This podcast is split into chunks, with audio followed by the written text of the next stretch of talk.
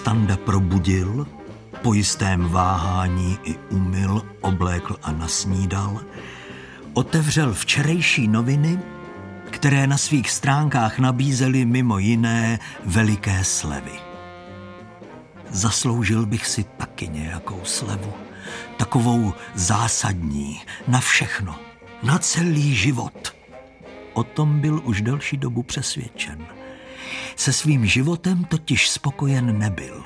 Zdál se mu nějaký chudý, málo pestrý, jako by mu podloudně ve chvíli nepozornosti podstrčili život levnější, z druhé ruky, už použitý, navíc nepříliš kvalitní. Na druhé straně však nevěděl, co by se v něm mělo proměnit hlavně. A kdyby to přece jen i trochu tušil, nebyl schopen sformulovat konkrétní představu, totiž jak jak by se věci v jeho životě měly změnit.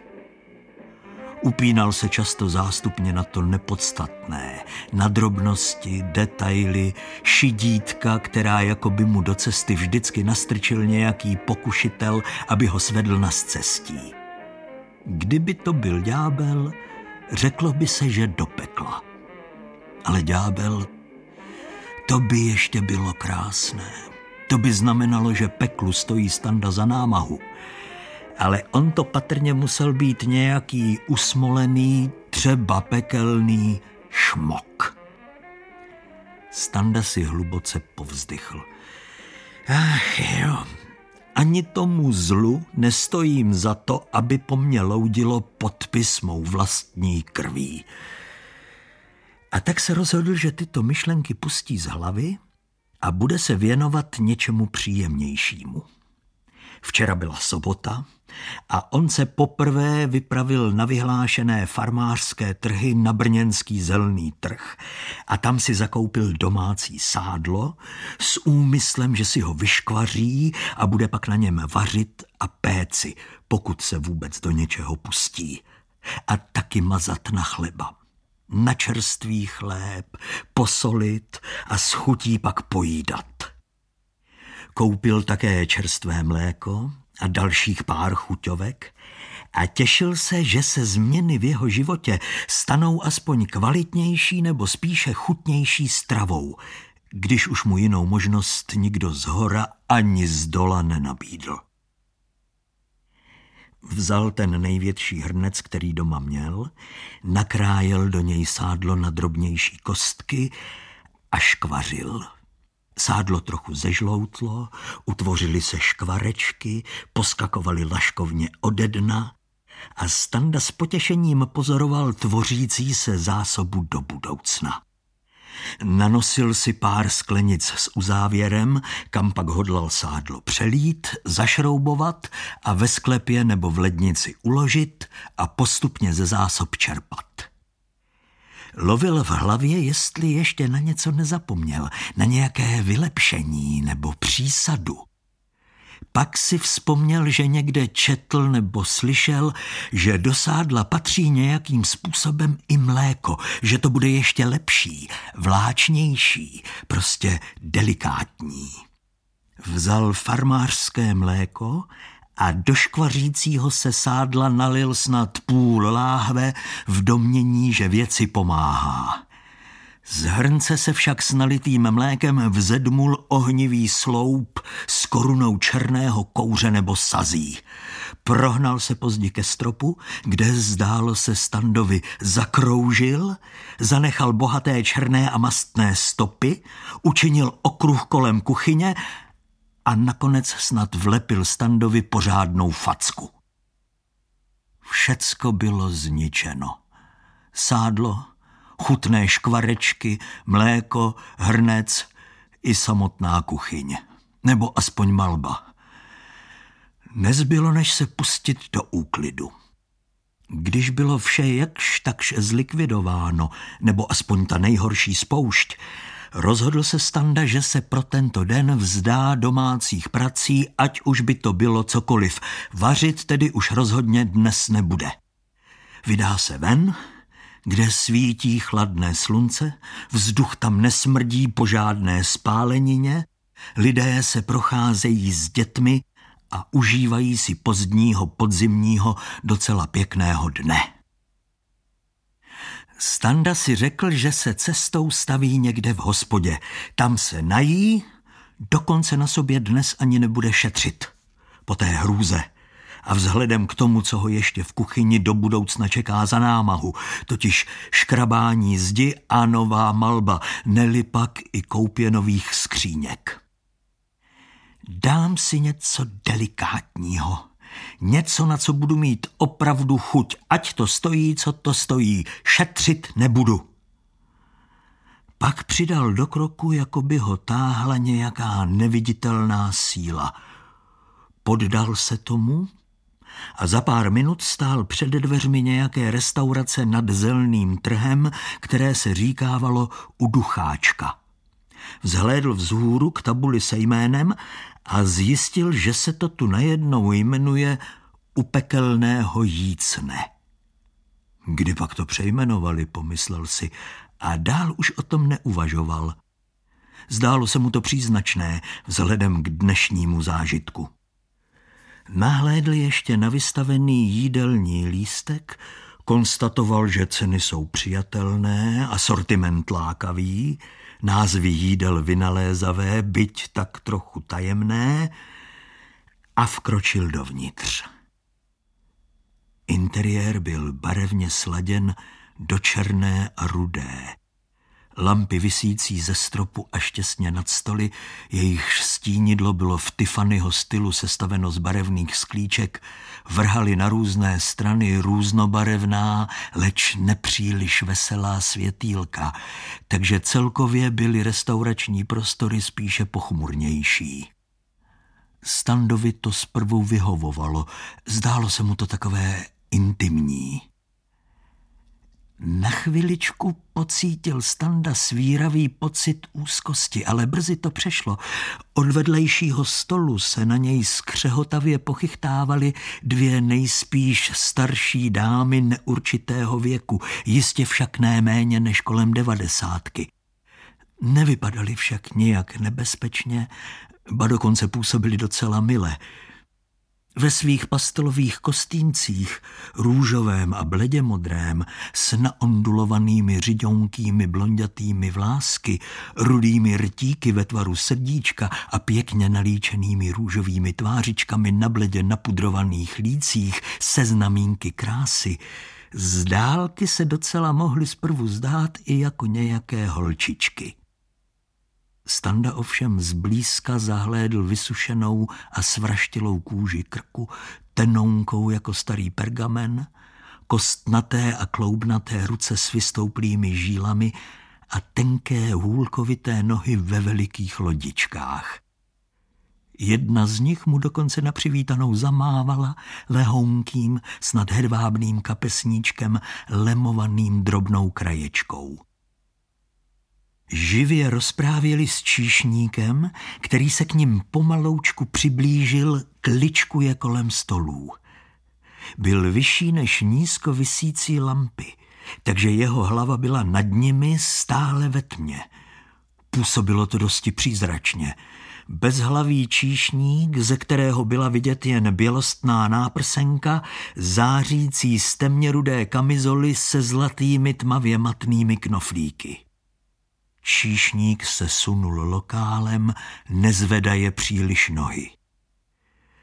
Když přišel pak až ke standovi, nachýlil se do světla, které přes zelená sklíčka osvítilo jeho tvář mrtvolnou bledostí. Přestože se velmi zdvořile dotázal na objednávku nápojů, předložil uctivě i jídelní lístek, nebyl to pocit bezvýhradně příjemný. Na číšníkově obličeji se symetricky na tvářích po obou stranách nosu rýsovaly dva jakési ohnivé útvary, možná to byly spíše veliké pihy šarlatové barvy, tvaru mořského koníka.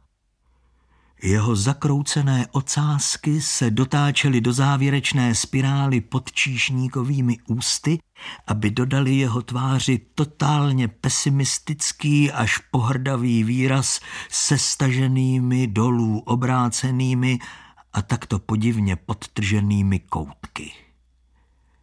Račte si přát? Otázal se servilně měkkým, nepříjemně podbízivým hlasem – Navenek nebylo nic, co by mu člověk mohl vytknout. Přesto se Standa necítil nijak příjemně.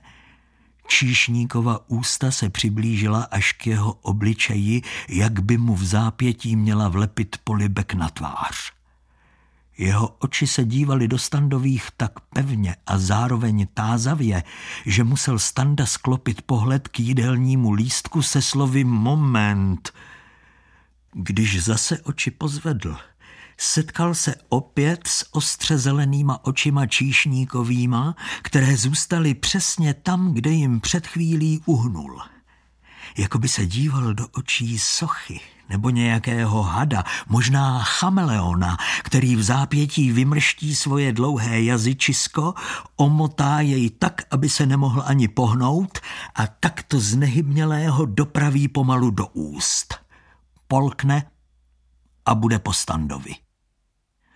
Pocit takového podivného konce v něm vyvolal záchvěv strachu. Mrazivá vlna jim projela, až se celý otřásl. Představil si sám sebe v číšníkově žaludku, kde je pomalu zpracováván, otáčí se v žaludečních kyselinách jako v bubnu pračky, zmenšuje a rozpouští se, až pomalu mizí docela. Pak si přece jen dodal odvahy a objednal si něco. Číšník se uklonil, pak napřímil, jeho tvář zmizela opět ve tmě a pomalu odplul. Standa si mohl zase vydechnout. Holčičkovité stařenky si něco šeptali, chichotali se a hleděli směrem k němu. Křečovitě se na ně usmál – a dostalo se mu opět zamávání krajkovým kapesníčkem. Prosím, vaše nitěnky v sírové louži. Uslyšel Standa po chvíli číšníků hlas a před jeho očima zakroužily příbory, ubrousky, talíř a sklenice piva.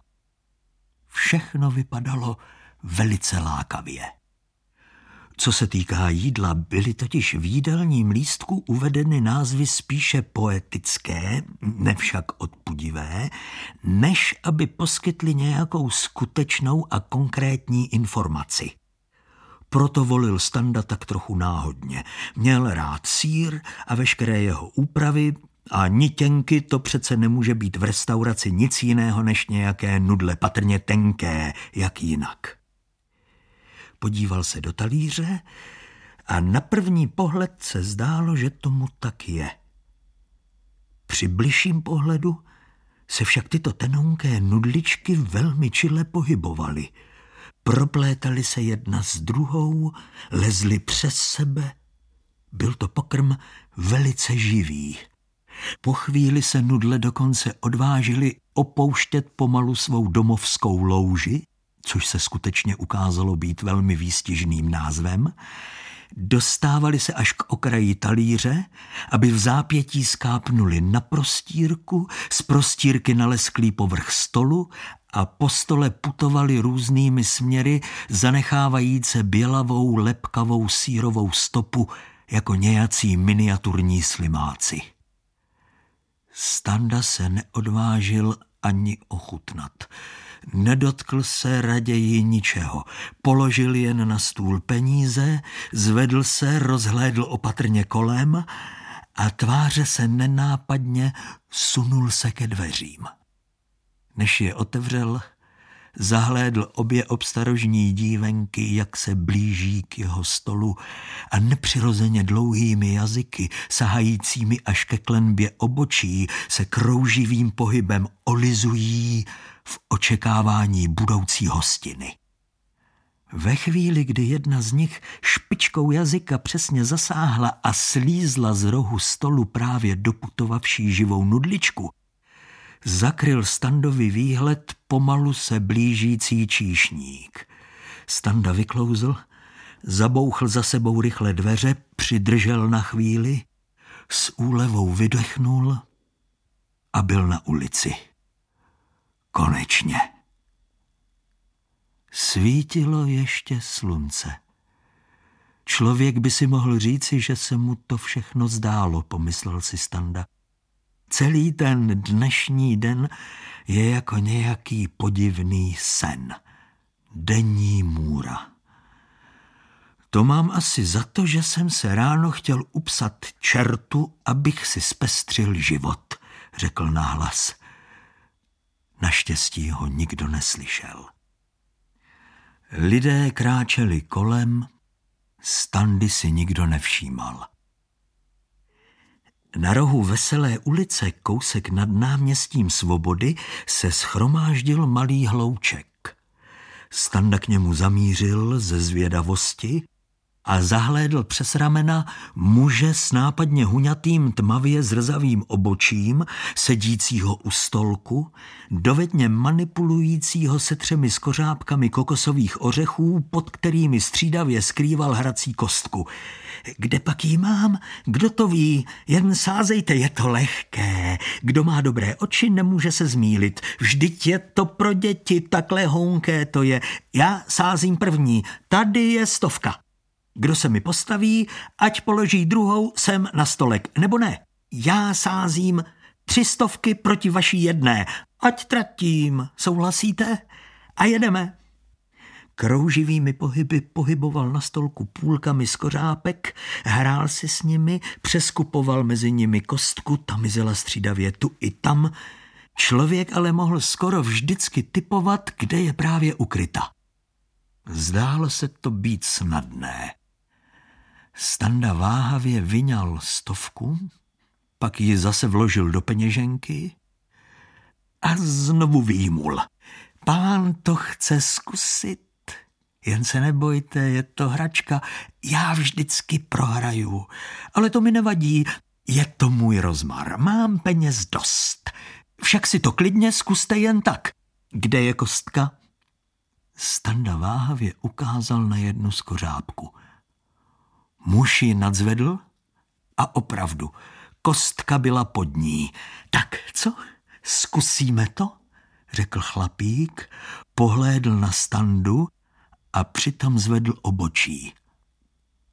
Oči měl mléčné, jen narůžovělé bělmo, patrně byl slepý. Lidé kolem standy ucouvli. Zůstal jen on a podivný slepec. Vy vy nevidíte? Odvážil se Standa. Ano, přesně tak. Jsem úplně slepý. Nevidím nic. Nerozeznám ani noc ode dne. Jste teda ve výhodě. Jdeme na to? Co? Jdeme? Jdeme? Co říkáte? Standa položil na stolek sto korunu, kterou držel v ruce. Muž se jí dotknul a ucukl hned rukou, jako by se spálil. Stovka? To je všechno? Děláte si ze mě srandu? Chcete se mi vysmívat? Standa jen nesměle a tiše poznamenal. Ne, ne, to ne. No proto, vzkřikl chlapík. Takže, kolik sázíte? Pětset? Tisíc? Co? Tak teda pět set, vysoukal ze sebe standa a neochotnými prsty vyložil na stolek bankovku. A jedeme, křikl muž, loupl po standovi nevidoucíma mléčnýma očima a začal kroužit po stolku obratnými prsty. Skořápky se točily jako větrníky. Kostka mizela tu pod jednou, tu zase pod druhou, znovu se vynořila, aby zase v zápětí zmizela ve víru točících se skořápek. Pak se vír zastavil. Tak, a kde to máme? Nezvykle silně zakřičel muž, snad proto, aby vzbudil zájem kolem stojících čumilů. Standa přešlapoval, váhal a nemohl se rozhodnout. Pak tak trochu namátkou ukázal na jednu ze skořápek, tu uprostřed. Muž odkrýval napřed ty vedlejší. Pod levou nebylo nic. Pak chvíli točil s tou pravou, poslouchal, jestli jsou slyšet nárazy kostky do stěny ořechové slupky, přikláněl a odkláněl hlavu, natáčel ji tázavě k lidem a pak náhle z kořápku zvedl. Pod ní bylo prázdno. Standa vydechl a s ním odfoukl i celý hlouček. Zbývala poslední, ta třetí. Muž ji kloubem prstu oťukával, zase poslouchal a pak náhle snad zklamaně poznamenal, že by ta kostka spadla na zem. Možný je všecko. Standa už byl netrpělivý a rázně poznamenal, odkryjte tu skořápku. Muž tak učinil a hle, kostka tam byla. Muž se zatvářil zklamaně a z tlustého svazku bankovek oddělil jednu tisícovku Standovi. Je vaše, vyhrál jste. Standa vložil tisíci korunu do kapsy. Nechtěl před tolika lidmi otvírat znovu peněženku. Už už se otáčel, že půjde dál. Nechtěl si pokazit první štěstí toho dne. Končíte? Škoda, poznamenal slepec a jen tak si pohrával kostkou, přehazoval ji v ruce a kutálel po stole. Házel jen tak bez zájmu a ku podivu mu vždycky padla šestka. Standa se náhle rozhodl. Znovu vyňal tisícovku a položil na stolek. Tak ještě jednou, naposled. Chlápek ožil, tak jedeme, vy tisíc, já dva. Znovu začaly jeho ruce míchat s kořápkami. Kostka lítala sem a tam, mizela a opět se vynořovala, jako předtím. Pak nastal klid a muž se tiše zeptal. No tak? Standa napřáhl ruku nad kokosové půlky a kroužil jí opatrně nad nimi. Chvilkami se dokonce zastavoval. Snad čekal na nějaký signál, nějaké vlnění nebo co. Ale nic nepřicházelo, nic necítil. Měl sice nějaké tušení, kde by snad mohla kostka být, ale nebyla to žádná jistota. Nezbývalo než hádat. Tady to bude. Asi. Standa ukázal nerozhodně na jednu skořápku. Muž zase začal se svými kejklemi, ale netrpělivost byla příliš velká. Lidé z hloučku nespokojeně brblali, Standa funěl a bručel a tak chlap po chviličce váhání skořápku odklopil. Kostka pod ní byla. Standa spokojeně přeložil tři tisícovky a už na nic nečekal. Rozechvěn zamumlal ještě jednou. Sázím tři tisíce. Přece však se tu skrýval tichý kalkul. Kdyby prohrál všechny tři bankovky, pořád ještě bude na svém, bude mít svou pětistovku, se kterou do hry vstoupil. Byl by sice zklamán, ale smířil by se s takovou ztrátou. Ano, s těžkým srdcem, ale přece jen takže zopakoval svoje slova už důrazněji a hlasitěji. Sázím tři. Chlap bankovky promnul v prstech a ze svého balíčku oddělil tentokrát devět tisíc. Ať tratím jedna ku třem. A už zase rozehrál balec skořápek, velmi rychlý až zběsilý. Za chviličku zastavil a napjatě čekal. Standa neváhal a ukázal na jednu z nich. Chlapík ji odkryl a skutečně. Kostka tam byla. Peníze znovu změnili majitele a Standa už na nic nečekal. Pustil se s plnou vervou do hry. Lidem v hloučku se zastavil dech. Auta snad přestala jezdit. Najednou nebylo nic slyšet. Jakoby všechno kolem sledovalo jejich napínavé zápolení. Všechno se zrychlilo jako ve snu. Standa vyhrával stále se zvyšující částky. Muž někdy zanaříkal, bědoval, chytal se zoufale za hlavu, ale už patrně nemohl couvnout ze hry, kterou sám začal. Standa neomylně vždycky vytipoval příslušnou skořápku, pod kterou se ukrývala kostka. Chlapík zrychlil kroužení skořápek a přelety kostky pod nimi na úplnou smršť, ale Standa byl přece jen vždycky lepší. Jeho oči byly upřeny na desku stolku a neuhnuli ani na zlomek vteřiny. Přišla poslední hra. Sázím všecko, zaúpěl skořápkář. Sázím svůj vůz, tamhle ten, ukázal na opravdu drahý sportovní model, nepochybně za miliony, který parkoval naproti. Za volantem seděl řidič v uniformě. Částka už byla i tak závratná. Standovi se z toho všeho točila hlava, ale už nemohl zpět. Neměl sílu zastavit se před koncem. Skořápky létaly nad stolem, kostka po stole. Standa cítil, jak se na něj rameny tlačí zvědavci. Rej ustal, Standa ukázal bez váhání na jednu ze skořápek. Nemýlil se. S obrovským ulehčením zhrábl peníze, které už ani neměl kam nadspat. Všechny kapsy se nadouvaly penězi, teď už nejen tisícovkami, ale i dvou a pěti tisícovkami. Zacinkal klíči od auta, kterému podivný muž podal a měl se k odchodu. Najednou muž pozvedl hlavu a zadíval se Standovi do očí. Jeho pohled byl ostrý a oči byly najednou jasně rudé s jedovatou zelenou tečkou uprostřed. Chvilku mlčel, pak se usmál a promluvil. A co ten podpis? Jaký podpis, podivil se Standa. Nechápal nic. Ten na tu smlouvu. Vlastní krví, prosím. Standa se chtěl otočit a jít pryč, vždyť by ho takový postarší mužík ani nedohonil. Hlouček za ním se sevřel v pevnou zeď. Když Standa pohlédl dozadu, díval se do tváře lidem s kamenným, upřeně zírajícím pohledem, právě tak rudým a žhanoucím jako toho chlapa se skořápkami. Už neodporoval a napřáhl ruku.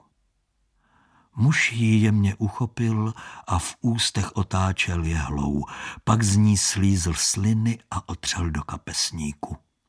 Vzal ji mezi dva prsty a bodl. Ani to nebolelo. thank you